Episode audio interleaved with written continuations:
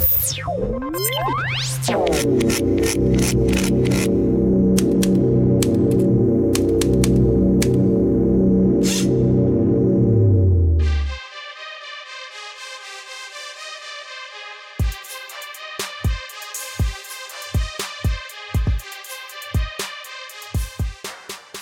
Lepo pozdravljeni v 28. epizodi pod črto podcasta. Z vami smo danes. Poleg naju, torej Taje in Lenarta, sta tukaj še dva nova glasova in dve naši novi sodelovki.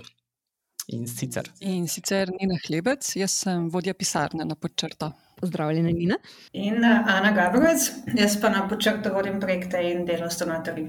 In uh, mi štirje smo se tukaj zbrali, tako hibridno, v duhu časa, malo fizično, malo nadaljavo, da proslavimo sedmi rojstni dan pod črto.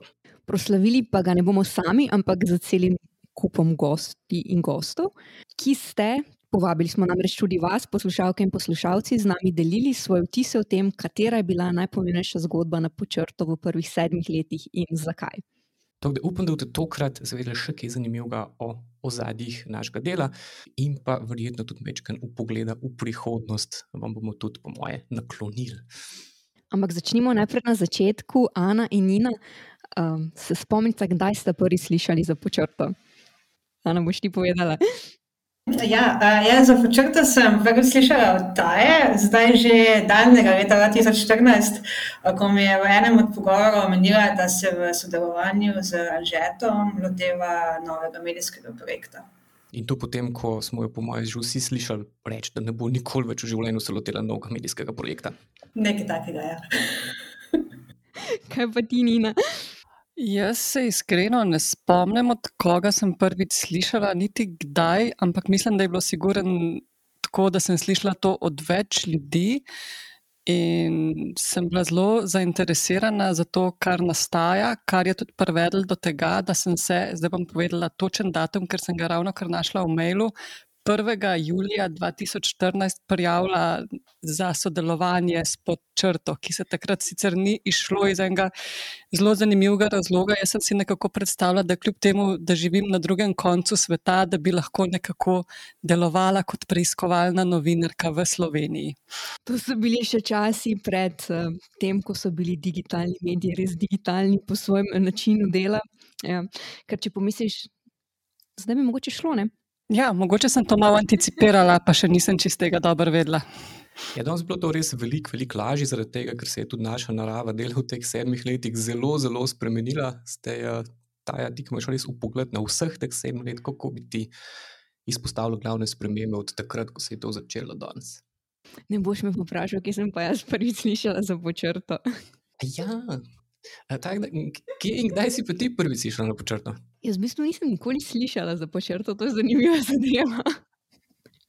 Jaz sem dejansko slučajno ugotovila, z Anžetom sem se namreč eh, na vide spoznala z dela, ker so nekaj časa delala oba skupaj in sem slučajno našla, da Anže dela, dela počrto. Pač eh, njegova spletna stran je bila takrat zamrznjena in mu poslala mail, če je v bistvu ta projekt zamrznil ali ga misli, ali ga misli delati dalje. To je bila še tako nečem alfa verzija pod črto, pod črto bloga, mislim. Da. Kaj pa ti, Leonard? Ja, naša zgodba je posebej kar hecna, zaradi tega, ker smo bili par let sodelavci na delu, s tem, da se tako rekoč nismo kaj dosti videli, pa srečvali. Se mi zdi, da skoraj nikoli, ali pa skoraj, ali pa zlepene. Mi dva se nismo nikoli srečala. Ne, v vseh ne. teh letih, niti na ne. nobenem teh sestankov, prave, no, nikoli. Ne, edino Anže, Anže je bil enkrat pri meni na sestanku, To je bilo, to je bilo vse izmed srečanj nas treh. Ja, res je, ja, tudi da sem za Anžeta videl bolj, ker ne samo po člankih, ki sem jih bral. Mi dva smo se pa pol srečali tako, da me je pa enkrat, pa ne vem točno v kateri fazi že, ampak mislim, da takrat, ko je šlo iz bloga na nekaj več, da sem bil eden od tistih, ki me je povabil že na kavo in ga je zanimalo, tako če imam slučajno ali kakšne izkušnje, ali kakšne kontakte, ali kakšne nasvete, kako in česa ne početi pa ne vem, kako se lotiti tega preiskovalnega medija, ki pa ne bi bil financiran z vseh teh običajnih sredstev. Torej, vem, da ni v državni lasti, da ni v lasti nobenega zasebnega lastnika, da ne lovi oglasov, zaradi tega, ker neč od tega nekako ni najboljši model za preiskovalno delo. Mislim pa, da je bil eden od povodov tudi članek o nizozemskem mediju The Correspondent, ki je bil eden od prvih velikih uspešnih crowdfunded projektov v Evropi, ki so zbrali veliko zagonskega denarja. In uh, mislim, da je Anžeta takrat tudi zanimalo, ali je bilo kaj takega možno v Sloveniji, in je moj odgovor bil iskreno, ne vem, ker ni še noben prob. Ja, ko si me vprašal prej, kakšna je razlika med um, medijem sedem let nazaj in pa zdaj. Ena stvar, ki je, je ta, da mi dva takrat, ko smo to začeli, nismo vedeli, da bo to preiskovalni medij. Celo. Ja, mislim, mi smo začeli delati medij za, za kvalitetno novinarstvo, ki je potem nekako se razvil v medij za preiskovalno novinarstvo, sicer zelo hitro, ampak čist na začetku nismo razmišljali o tem, da je to, da je to preiskovalni medij. Ne, se to se spomnim, zaradi tega, ker tudi korespondent ni bil.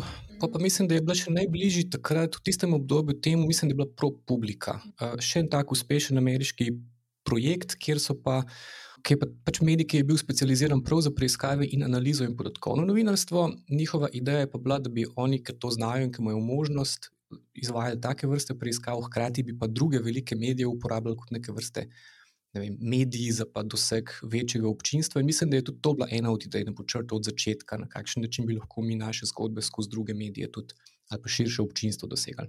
Ja, res je, da na začetku smo dejansko večino svojih večjih zgodb objavili z nekim drugim medijem, torej nismo objavljali sami, kar izhaja iz tega pro-publika modela, kot si zdaj rekel. Ja. Od začetka smo se torej malo zgledovali po pro-publiki in korespondentu, zdaj smo pa res predvsem pod črto. Ana, Nina, kako pa vidve vidite ta razvoj pod črto od tega davnega 2014 do danes? Ja, meni je bilo vedno že od začetka fascinantno, ne, kako tako mala ekipa uspe ustvariti tako veliko število člankov in kako v bistvu v vsem preiskovalnem delu, ki, ta, ki ga pač takšno novinarstvo zahteva, uspe zdrževati ta tempo produkcije. Hkrati pa seveda brez, da bi a, zaradi tega trpela kvaliteta. To se mi zdi nekaj, kar je pač meni osebno fascinantno od samega začetka in kar pač zdaj, ko pač malo bolj blizu poznam uh, delo na počrtu, vidim, da je to še vedno standard, od katerega pač se ne odstopam. In um, me pač veseli, da kljub temu, da že sedem let ta organizacija seveda dela resno preiskovalno delo in se sooča s takšnimi in drugačnimi izzivi, od teh osnovnih standardov, ki si jih je zadala na začetku, ne odstopa.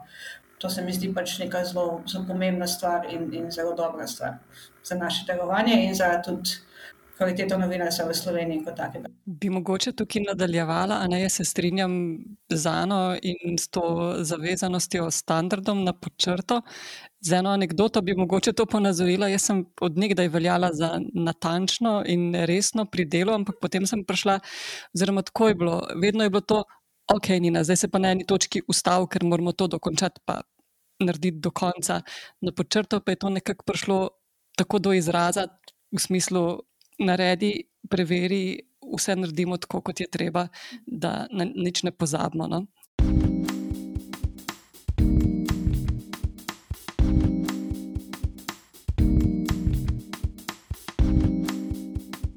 No, in omenjena natančnost je odlična istočnica za našo prvo gostjo, Ano Bogataj, našo lektorico, ki lahko bi rekli največkrat prebere naše zgodbe. Tako preberejo do zadnje vejce, vključno s tistimi, ki manjkajo. Kako je Ana prvič slišala za počrto? V bistvu se tega niti ne spomnim, kdaj sem prvič slišala za počrto. Se pa spomnim, da sem takoj, ko sem slišala, in to je bilo verjetno že zelo na začetku, pisala, vsa navdušena Anžetu, da če bojo kdaj potrebovali lektorico, se jaz ponujam. Zato, ker sem lahko pač, eh, se mi je zdel tak projekt, eh, pri katerem bi bilo fino biti zraven.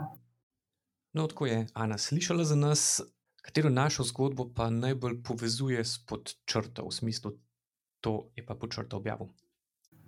Uh, glede na to, pač, da res vse preberem in jih dobro poznam kot lektorica, težko izpostavim samo eno. V bistvu se spomnim od tistih, recimo, tistega zemljevida, pekarn, ki je zelo odmeval vse povsod, ne, uh, pač, ker so bile te nepravilnosti, ki so jih inšpektori odkrili, do potem uh, tudi tistih zgodb o vodovodih, kjer je bila pač o onesnaženi vodi v teh malih vaških vodovodih. Pa pol, seveda, te zadnje, recimo, zgodbe o medijskem lastništvu, teh povezavah eh, med mediji oziroma v zadju, kako so te medijske hobotnice. Najbolj pa, po mojem, no, zdaj ne vem, zato ker je bolj sveža, ali zato ker je bila taka um, kompleksna, pa ta astroturfing in uh, te spletni, mislim, te v bistvu lažni profili na Twitterju. To, to se mi zdi najbolj. Zanimalo nas je pa še, katera zgodba se do zdaj Ani v teh sedmih letih zdela najpomembnejša. Mm, mogoče, čeprav meni se zdi, da v bistvu pri počrtu no, nekako ni tako važno. Mislim, so seveda pomembne zgodbe, pa izbira zgodb, pa tem, ampak v resnici je še najbolj pomembno to, na kakšen način so predstavljene. No. To se mi zdi pa počrto tisto, kar je pomembno. To, da v bistvu so, so za njimi, za temi zgodbami, stoji res pač en kup raziskave, en kup um, raziskovanj ozadja. Pol to tudi, kako um, se temu pač posvečate, da kako predstavljate zgodbo. Tudi, recimo, da je več deli, da je zraven nek vizualni material, um, tiste infografike, fotografije, ilustracije, vse to. Pa pol to, no, se mi zdi pomembno, predvsem pa pri počrtu, da v bistvu se eni zgodbi, čeprav je že objavljena, sledi naprej. Da pravzaprav ne, pa še vedno malo se preveri, ali je zdaj kaj drugače po vem, enem letu, ali, kolik, ali je vse isto, ali ne. ne. To, to, to, to malo to odrezanje no, v neko zgodbo, da, da ne potihne in pač gre v pozabo. Hvala, Ani. No, zdaj imamo pa tudi našega naslednjega gosta, ki je tudi spremljevalec pod črto že skoraj od samega začetka in to je. Aljaš Vindiš, ki je tudi član našega sveta zavoda, sicer je pa, po čem lahko rečemo, da je najbolj znan po infografikah. Ja, lahko bi rekli podatkovnem vizualnem novinarstvu. Torej, zanimalo nas je, kako je Aljaš prvič slišal za počrto. Za počrto sem prvič slišal pravzaprav na samem začetku, ko je Anže objavil svoj poslovni načrt. Mogoče takrat celo že obstajal ta prvi WordPress, Vem pa, da smo si ta poslovni načrt takrat podelili med seboj uh, z samo Mačkom in Vojkom Flegarjem na dnevniku in pravzaprav takrat naprej z zanimanjem spremljali, kako se zadeva razvija. No, in katera je za njega najbolj taka značilna počrta zgodba? Kako prepoznati prispevek počrta? Mislim, da pravzaprav ni težko prepoznati pečata, ki ga pusti pod črto pri svojem prispevanju na vseh zgodbah, ki jih je v teh letih objavil. Ne na zadnje v poplavi ostalih medijskih vsebin, tako kvalitetno preiskovalno novinarstvo vedno izstopa in ga ni težko prepoznati.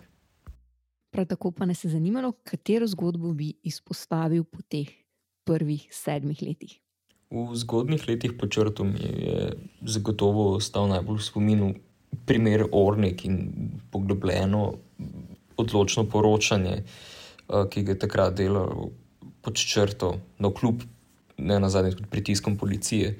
Med novejšimi pa se gotovo uh, projekt AstroTurfing oziroma celotno poročanje okoli uh, desničarskih medijev, v, v specifično medijev SDS in, in vse propagandne mašine okoli tega.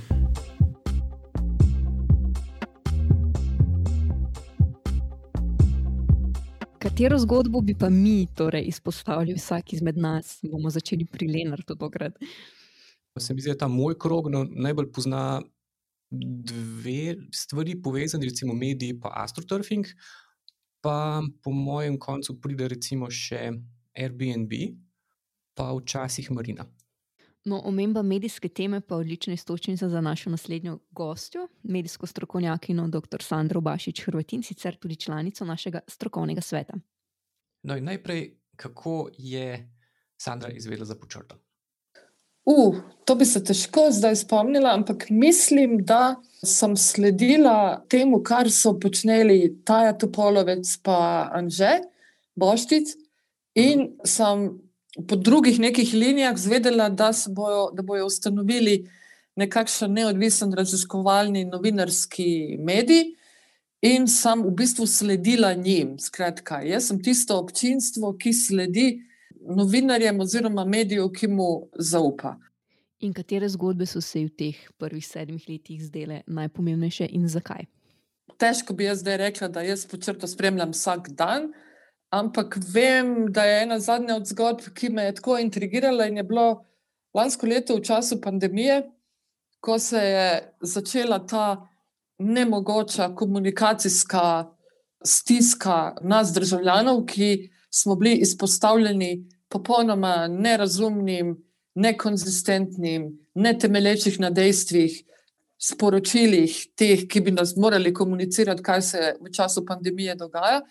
In je, mislim, da je počrto bil prvi, ki je začel v bistvu te statistične podatke na nek način osmisliti, da ljudi, ki se ne razumejo toliko v podat analizo podatkov, in tako naprej, da razumejo, kaj nam podatki, ki nam jih posredujejo pristojne institucije, dejansko pomenijo.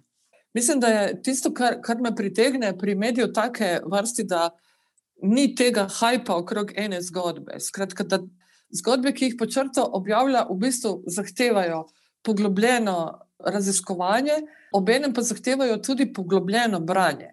Skratka, zgodbe niso tiste, da jih uno preletiš in potem ti nekako izginejo in jih zapomnijo, in jih zapomnijo druge zgodbe, ampak se moraš poglobiti. Ogromno je tudi referenc, moraš reference pogledati. Skratka, gre za, za en trend, ki se mi zdi v novinarstvu, ki je zelo pomemben, ki ga običajno, recimo Guardian, na katerega sem tudi naročena, opremi take članke eh, z long reading. Skratka, to je ta žalost novinarskega poklica v klasičnih medijih, today, danes, da te uh, sam medij opozori, da to od tebe zahteva neko investicijo v času, poglobljenosti in tako naprej. Skratka, mislim, da zgodbe o medijski krajini, kjer so v bistvu najbolj sistematično raziskane zgodbe, ki bi jih zaradi samo referenčnosti, samo evaluacije svojega lastnega podjetja morali tudi mediji drugi objaviti. Ne vem, veliko je takih zgodb, ampak mislim, da je najvišja kvaliteta, ki jo imajo taki tak spletni mediji, prav to, da imaš neko poglobljeno zgodbo. Konec koncev, določene zgodbe jaz recimo uporabljam tudi v pedagoške namene, da študentom razložim v bistvu, kaj je ta oblika novinarstva, da vidijo, da se zgodbe, ki imajo public impact, skratka vpliv na javnost, lahko pišejo tudi na drugačen način, da ni treba biti gor napisano, škandalozno, afera, in ne vem kaj. Ampak da zahteva tudi investicijo strani bralca, in običajno se mi zdi, da zgodbe, ki jih počrto objavi, imajo tudi nek svoj družbeni vpliv, tudi na ta način, da aktivirajo določene inicijative v družbi. Da iz tega, kar mediji objavi, potem ljudje začnejo razmišljati o nekih širših implikacijah posameznega problema, recimo korupcija, kriminal, ne vem, izkoriščanje eh, zakonodaje v privatne namene in tako naprej. Član našega strokovnega sveta pa je tudi Boštjan Špetič. Kako je on prvič slišal za počrto? Ja, prvič sem jih slišal za počrto polet, ne vem, pet let nazaj, verjetno, ko je Anže prišel na kavo po nasvete. Ne spomnim se, kdo ga je poslal sicer, ampak to je moralo biti zelo na začetku. In je prišel pač s to noro idejo, da bo on pustil službo in šel delati blog. In pač, kot se spodobi za podjetnike, smo ga, smo ga opogumljali pri tem. Pa sem mu pomagal v bistvu nabrati te prvih par donacij, zato da je imel on štipendijo za narest, preživeti prvih pol let in prve pol leta in narediti. Uh, prvih par prispevkov, ki so potem radili pod črto. Mislim, da ste pa kar tako zanimivo gledati. No? Mislim, impresivno, no, da, človek, tako, da, da je tako bil mission driven, da je šel in da je kaj. Nekdo mora, meni men to zanima, jaz sem to naredil. No, in katero temo je pa Boštjan izpostavil kot tako tipično počrto temo? Klej bom, po mojem, zelo klišejski, pa vam rekel Jankovič. Verjetno je ta, ta del najbolj znan. No. Ta druga, ki mi je bila pa fulj zanimiva, zdaj na zadnje, ja, nedavno je pa ta pro-reklam, Europlakat, City Lighty, spravo raziskovanje, kam, kam gre, mislim, da je skriti strošek. tako, če bi hotel razložiti no, tako, diapazon zgodb, bi verjetno šel med, od, od, med tema dvema. Ne, da rečeš, je od one, tipične politične korupcije, res v detajle, nabrati dokumente in ja, spisati nekaj, kar drži vodo, do ravno tako javnih, ja, javno relevantnih vprašanj, ki so pa načeloma skrite teme, ki se jih noben niti ne zaveda in, in ne znati povedati na način, da ljudje razumejo, da, da bi morali tudi o tem razmišljati. Pa Katera pa je tema, ki se je njemu v prvih sedmih letih zdela najpomembnejša? Za mene, v, v mojem svetu, je bila ta medijska serija ultra pomembna. Zato, ker um, ta stvar je, je en del ustroja družbe, ki je povsod, ki vpliva na vse in hkrati se impresivno, podrobno pokazali, kako se je izrodilo. Ja, kako ni več tisto, kar mi mislimo, da je. Ne. Ta se mi blazno konsekventna. Pa, to je spet ena od unih, ki se vsi ljudje hecajo, pa rekla, kazala, pa to, ampak pokaj pa pripelje zadevo dol do dokumentov, je, je, je, se pa spremeni narava pogovora. Pa pa lahko resno vzameš. Ne. Ta se mi zdi ful pomembna. Ti razvojni centri, pa po, po, pogrebniki podjetij so mi bili tudi ful zanimivi. Ampak ipak govorijo samo pač o gospodarstvu. No. To ni na isti način. Če, če že vprašaš, zakaj je najbolj pomembno, to ni na isti način pomembno kot uh, medijski landscape. Uh, mi je bilo pa v bistvu ful relevantno, ker ljudje ne razumejo dosti dobro, kako ta ekonomija metafizična deluje. Ne. In kako imaš ti dobre akterje in slabe akterje, in se vedno govori samo o slabih akterjih. Tako da je, vale, jaz nisem naštel verjetno eno tretjino delovanja, ker pač se, se, se, se ne, ne se, po črtu se ne loteva nepomembnih tem, ne, tako da je, je težko single out. Z domovi za ostarele, ona je bila, ona je bila skeri, zanimiva, ampak ste falili mene pač za ne vem, ne, dve leti, no, ker je pač babica dve leti prej umrla v domu za ostarele.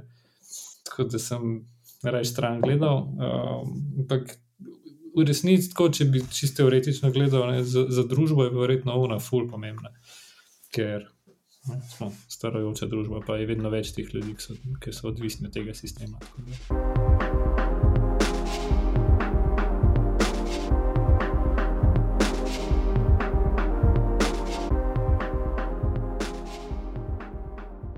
Ana, kaj pa recimo ti, ko si skoraj najbolj direktno v tem, da moraš uh, nas komunicirati donatorjem, kaj recimo ti največkrat ali pa najraje izpostaviš, to so pa, mislim, mi smo pa uniki, smo tropičje. Zdaj, uh, odvisno od, od, od tega, s kom komuniciramo, ampak zdaj, meni osebno se zdi najpomembnejša zgodba, pa tudi točno ravno z tega vidika, potem tudi nadaljne komunikacije z donatorji, uh, celotnega profila, počer, da se mi zdi najpomembnejša zgodba ta primer tetra. Zato, ker menim, da je to zgodba, ki je pod črto tudi v širši novinarski skupnosti nekako pozicionirala kot resen preiskovalni medij, ki ga pač ni mogoče ignorirati. In to predvsem z vidika tega, da je šlo za zgodbo, ki je izpostavila problematiko dela z viri, predvsem z vidika njihove varnosti. In pač kako pomembno je, da glede tega obstajajo v novinarskih organizacijah neki jasni in strogi standardi. Drugače pa, ja, glede donatorjev, pa seveda zgodbe, ki so imele odmev tudi v tujini, zgodbe, ki so dejansko predstavljale podlago mednarodnim poročilom, mednarodnim dokumentom, recimo v Evropski komisiji Sveta Evrope, govorimo predvsem tukaj za primer medijev in pa potem tudi astroturfing. To so recimo te dve zgodbi, če zdaj mogoče razmišljamo v kontekstu tega zadnjega leta, sta dobili največ Eh, pozornosti in tudi recimo z vidika tega angažmaja civilne družbe, sta tudi to zgodbi, ki, in pa seveda eh, vladavine prava, so to dve zgodbi, ki so predvsem zanimivi za naše mednarodne partnerje in eh, mednarodne fundacije, s katerimi sodelujemo, ker pač spet nudita uvid v širšo, neko širšo situacijo v, v družbi in problematike, ki so zdaj tudi, na katerih je sedaj eh, največji poudarek z vidika mednarodnih institucij. Avtor te zgodbe, ki jo omenja Ana, torej preiskavo o sistemu Tetra, je Anžej Boščic, ki ga pa danes ni na tem snemanju, ker je žal na bolniški. In ko že govorimo o donatorjih, je naš naslednji gost Andraš Logar, ustanovitelj in direktor podjetja 3FS in eden izmed naših donatorjev, ki so z nami že vse od začetka. Jaz mislim, da sem jaz takrat zvedel, ko je Goran Ivašič se začel z vami ukvarjati glede celostne grafične podobe. Um, saj se mi zdi, da je to takrat. No. In potem smo začeli, v bistvu ne samo jaz, tudi znotraj firme smo začeli malo bolj gledati, kaj bo pod črto počel ali kaj počne. No. In se nam je stvar začela zdeti zelo zanimiva, in tudi mislim, da je bilo kar precej že, neke, že nekih donatorjev takrat ali pa investitorjev pod črto, že pred nami. No. In smo v bistvu to tudi videli kot tak mal, viš, moment, da bi bili radi na tem vagonu zraven. No. No, in tudi njega smo pol poprašali, kje se mu zdi ta najbolj tipična počrto tema ko me kdo vpraša, ne, tudi zakaj dajemo denar, recimo po črto, ki nas vidi med donatorji in tako naprej. Pač rečemo, to je skupina, ki se hoče ukvarjati z pravim in srčnim preiskovalnim novinarstvom. In zdaj, če ti je to drago, ne, če ti je to pomembno v življenju, da nekdo se s tem ukvarja, oziroma da imaš nek tak. Ne, peace of mind, da, da obstaja neka skupina ljudi, ki se s to vrstnimi tematikami, ki zahtevajo raziskovalni pristop, ukvarja, potem je to pod črto. Um, tako da bi rekel, da je za me to upis, um, kdo ste in kaj počnete. No? Katera pa je tema, ki se njemu osebno zdela najpomembnejša v prvih sedmih letih delovanja pod črto? Jaz mislim, da pomembnost teh vaših zgodb um, ocenjuje najbrž vsak zelo um, drugače, ali pa seveda vezano na to, kako blizu mu je, ali kako srčno se lahko do nje opredeljuje, ne, čust, da ima neke čustvene odzive na to. Ne. Meni osebno, oziroma tista stvar, do katere sem pač čutil neko povezanost, je zagotovo bila zgodba, kjer ste se ukvarjali z, mislim, da evropskim denarjem, ki je šel v te pospeševalne centre po Sloveniji za podjetništvo. Ta zadeva mi je bila zanimiva, mi je bila pomembna, tudi sam in skozi podjetje v bistvu hočemo vplivati na naš ekosistem v pozitivnem smislu, pač ta poslovni ekosistem in, ja, in to vrstne stvari gledamo kot zelo negativne, oziroma da se ne bi smeli dogajati. No, vem, da če ne bi bilo počrto, v bistvu se v teh problemih niti ne bi kaj dosti spraševali. Nina, katero zgodbo bi pa ti izpostavila kot najpomembnejšo, po tvojem mnenju, in zakaj? No, jaz tako imamo pravkar z različnimi krogi ljudi, tako da tudi v pogovorih z različnimi ljudmi zelo različne tematike pridajo na plano. Največkrat se pojavlja astroturfing, ta recimo ena novejših tem, pa potem te preiskave medijskega lastništva in financiranja medijev. Čistko osebnost, recimo, mi je pa mogoče najbližje celo tema o revščini bila, pa tema o segrevanju mest. Nekako zato, ker je to mogoče čisto osebno mi toliko blizu, pa ker se o tem največ pogovarjam z ljudmi.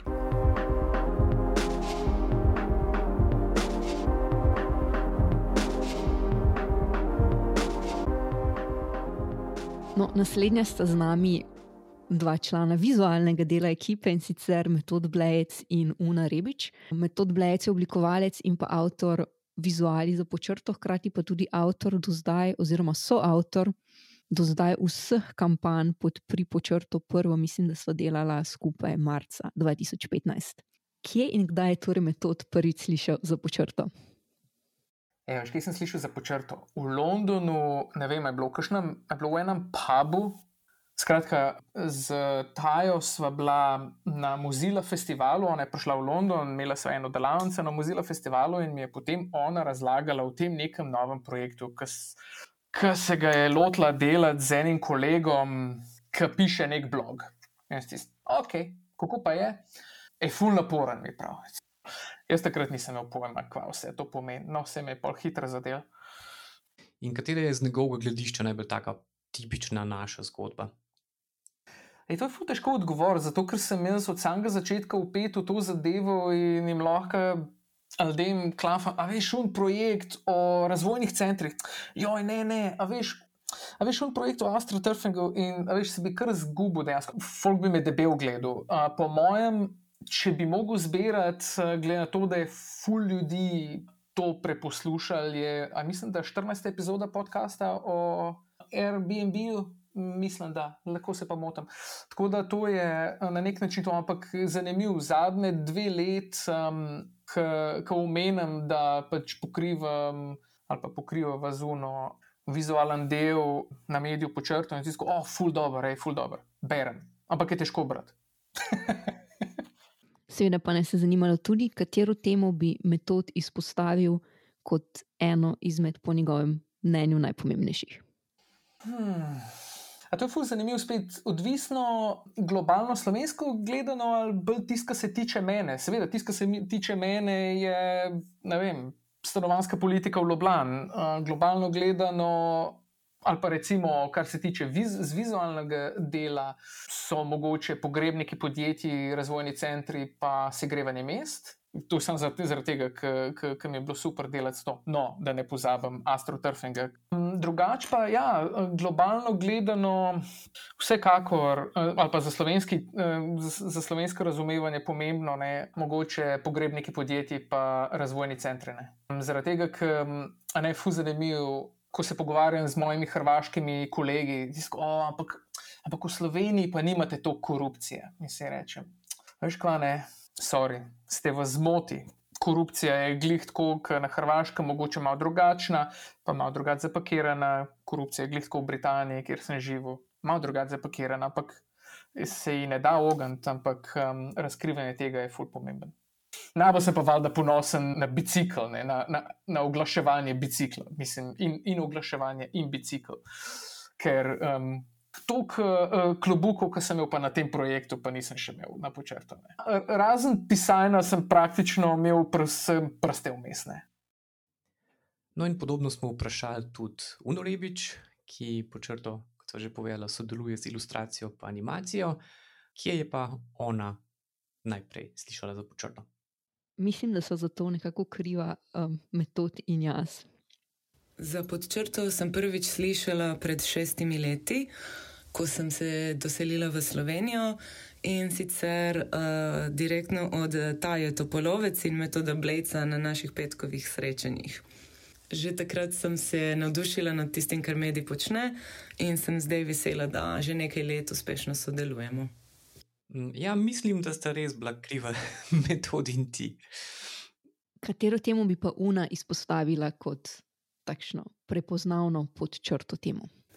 Hm, težko vprašanje. Zato grem z eno zelo odnevno wow zgodbo iz tega leta, ki je pokazala, da meni, da Slovenija ni izjema, kot sem si to prej upala, kar se političnih malverzacij tiče in da žal sledi trendu, ki je prisoten že nekaj let na svetovni ravni. Uh, gre za astroturfing, ki. Zdaj vemo, kako deluje, kako se, lažnim, kako se lažno ustvarja javno mnenje z fake profili, kako se kreira torej lažna slika podpore določeni politični stranki ali politiku. Ampak ker mi je grozno, kako se s tem napada posameznike ali skupine, ki si upajo govoriti in razkrivati neetično ali nezakonito delovanje v politični sferi ali samo uh, izražati lastno mnenje v medijih ali na spletu ali uh, druge. In uh, zgodba je, uh, je bila tako dnevna, mislim, da se vsi spomnimo in je odprla veliko vprašanj med tem, kako bi izgledala prihodnost za, za, za nas, posameznike, kako si bomo upali živeti brez strahu, da bo naša pravica do svobode izražanja prinesla hude posledice. Za nas in uh, kako bomo dejansko znali, da so besede, ki jih beremo, slišimo ali celo v kratkem, sigurno gledamo na videih, izgovorjene od strani oseb, ki dejansko obstajajo, in kar bo kaj bo to uh, pomenilo za prihodnost uh, medijev? In pa še, katera naša tema se je zdela najbolj pomembna in zakaj? Primer Marina, ker je za me zgodba bila nekakšno, nekakšno zrcalo današnje družbe, v kateri kot posamezni, kot posam, posamezniki in skupnost na papirju cenimo in vrednujemo določena etična načela, kreiramo zakone, ki jih varujejo in potrjujejo, ampak v resnici smo sužni denarju in uh, na že nakopičen denar si želimo na lahek, ampak grozljiv način ustvariti še več. V tem primeru za zavajanjem in izkoriščanjem ljudi v stiski, v klubu Marina z izkoriščanjem žensk, ki trenutno nimajo možnosti oziroma moči, da bi se odbranile, ker so od njih odvisne cele družine in njihovo preživetje. Pa kar je za me na osebni ravni bilo prav strašljivo brati, je, da so se situacije v Marini zavedale vsaj štiri ženske osebe. In ne samo to, da so, da so, to, uh, da so to spremljali, da so vedeli, kar se dogaja, ampak da so na tem tudi zaslužili denar. Ampak, da ostanem v, v, v oziroma da, da zaključim pozitiv, v pozitivni luči, verujem, da se tudi skozi medije še da vrniti malo svetlobe v naše življenja, tako da se nam da razlog uh, z branjem takšnih zgodb, da se vsak dan vprašamo, kaj delamo, kako smo do tukaj prišli in kako lahko gremo od tukaj naprej v potencialno boljše jutri in potencialno skupaj. Hvala.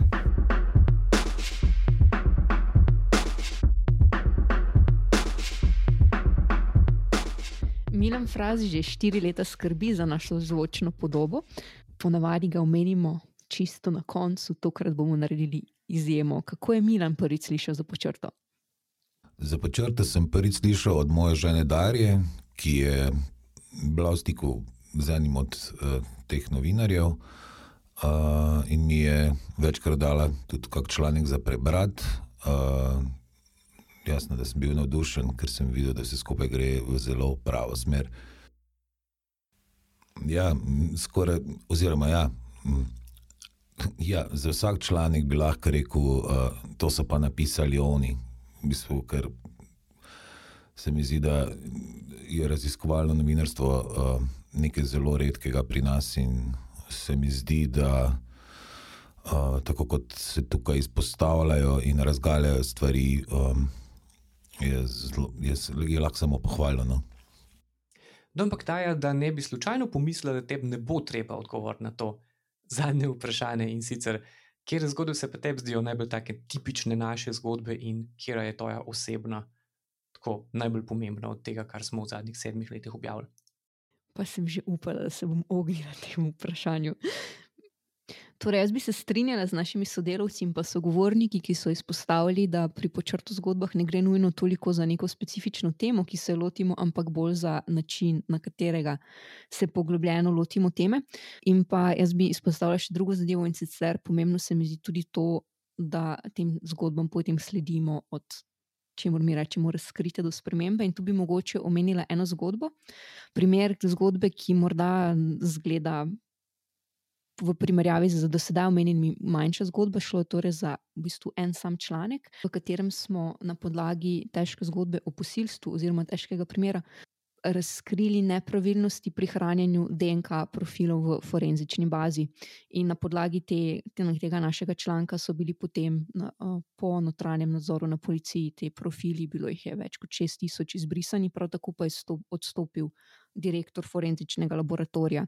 To zgodbo omenim kot primer zgodbe, ki vodi od tega, da smo podatke za zgodbo dobili od svojega bralstva in potem zgodbo preiskali, objavili in da je zgodba vodila do neke opremljive spremembe.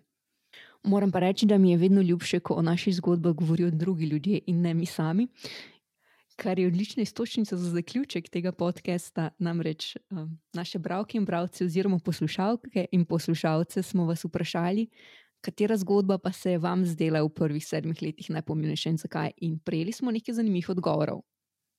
Pravka Aleksandra Gropevšek nam je napisala, da se ji zdi naša najbolj pomembna zgodba astroturfing. In zakaj? Ker smo, če jo kar citiram, z doslednim in poglobljenim novinarskim delom razkrili obstoj ter pojasnili značilnosti in razsežnosti pojava, ki je bil med prebivalci Slovenije predtem ne le neznan, ampak temveč marsikomu tudi nedojemljiv in nerazumljiv. Bralec Jurek Koren pa nam je sporočil, da sicer težko reče, da bi bila kakšna zgodba pomembnejša od druge, ampak je zelo izpostavil naš način novinarskega dela. Jure nam privošči tudi, da obstanemo, rastemo in postanemo bolj popularni, saj si kot pravi sodobne civilne družbe ne morem predstavljati brez ekip, kakršna je vaša in brez javnosti, ki vaše članke jemlje kritično resno. Hvala, Jure. No, najljubše zgodbe pa nima niti naš bralec Marko Zupanc, saj da objavimo toliko kvalitetnih člankov z toliko različnih področji, da bi se sam zelo težko odločil, katera zgodba oziroma tema se mu je zdela najbolj pomembna. Kot tiste, ki so se mu zdeli pomembnejši, pa omenja te, ki se nanašajo na medije, pa vse do tistih, ki se nanašajo na oglaševanje po Ljubljani, nepremičnine, njihove cene in marino. Tako da najlepša hvala tudi za vse te pravske odzive.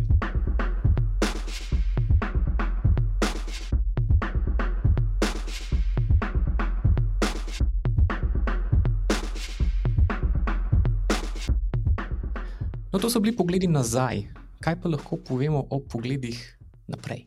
Kot ponavadi, ne moremo povedati ničesar o tem, kaj preizkujemo, oziroma katere teme pripravljamo za leto 2022, ker jih sicer ne bomo objavili, ampak lahko pa povemo, kaj, kako si predstavljamo svoje delo v prihodnem letu. Jaz se v prihodnosti najbolj veselim tega, koliko imamo še na manj razvit ta format, ki ga pravkar poslušate in sicer podcaste. Mislim, to imamo veliko enih takih in ambicioznih načrtov, izpeljali smo zdaj eno tako uspešno delavnico na to temo pred kratkim. In uh, upamo, da bomo vse čim več tega lahko uporabili, in da boste to tudi slišali kot boljši izdelek. No, in ker je ta nadgradnja formata, ki jo Leonard omenja, že tako blizu časovno, dejansko lahko povemo, da prihaja prva pod črto serija podcastov, na kateri zdaj delamo že, že kar nekaj mesecev.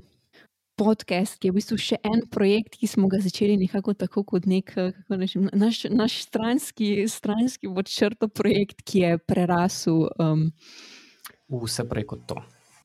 Nina?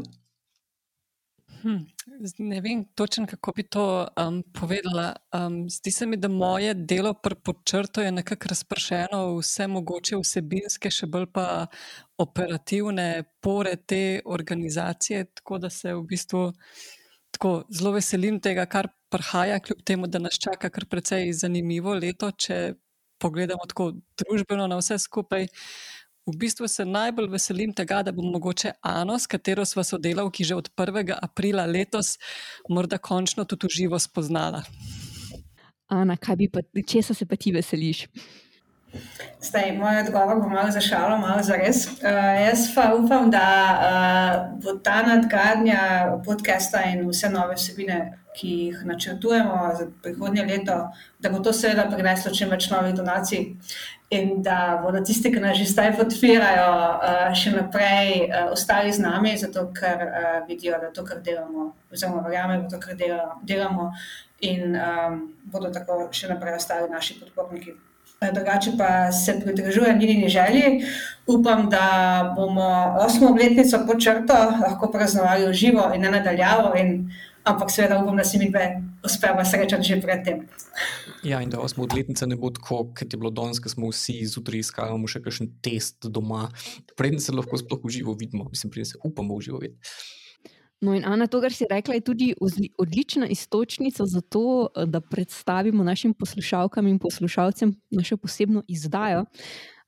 In sicer ob sedmi obletnici smo se odločili za vas pripraviti posebno darilo darila vaš osebni watchdog na skodelici za kavo. Mislim, da dejansko trenutno večina udeležencev tukaj pije čaj iz te skodelice.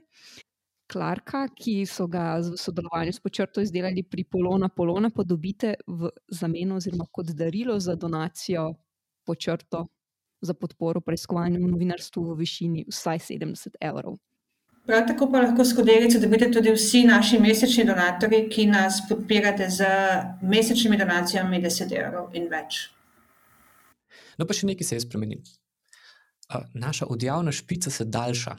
Tako z vsako epizodo, kar je tudi dobro, kar pomeni, vsakič, ob vsakem podkastu, na vsakem članku lahko vidimo daljšo spisek zahval in sodelavcev, ki so sodelovali na tak in drugačen način pri pripravi zgodb, pri fact-checkingu, lektoriranju, pri vseh, ki so podprli na tak in drugačen način naše delo. Tako da tudi to je ena tako zelo lepa stvar na koncu, da se nam daljša. Tako da, evo, taja. Ja, preiskovalno novinarstvo je ekipno delo, oziroma ekipni šport, ali bi temu lahko rekli. Ja, zato se tudi zahvaljujemo res vsem, ki ste nas v prvih sedmih letih brali, poslušali, sodelovali pri našem delu, podpirali, in pa seveda še posebej vsem, ki ste sodelovali v tej praznični epizodi pod črto podcasta in prispevali svoje misli in ideje. Tako da z vami smo bili danes štirje in sicer Taja in Leonard, pa Nina in Ana. V sami epizodi ste pa slišali še kar nekaj naših drugih sopotnikov, ki se jim še enkrat zahvaljujem za sodelovanje pri tem podkastu, in pa seveda Milano, ki je na koncu vse to namešal, da se na vaših ušesih dobro sliši. Kot ponavadi, pa poleg donacij se vnaprej zahvaljujemo tudi za vse tiste, ki jim boste predlagali naš podcast in če se ga boste upisali v te priljubljene odjemalnike podkastov. Nas boste imeli na ušesih vsakič, ko bomo pripravili nove vsebine, teh pa bo v prihodnem letu, kot smo rekli, kar nekaj.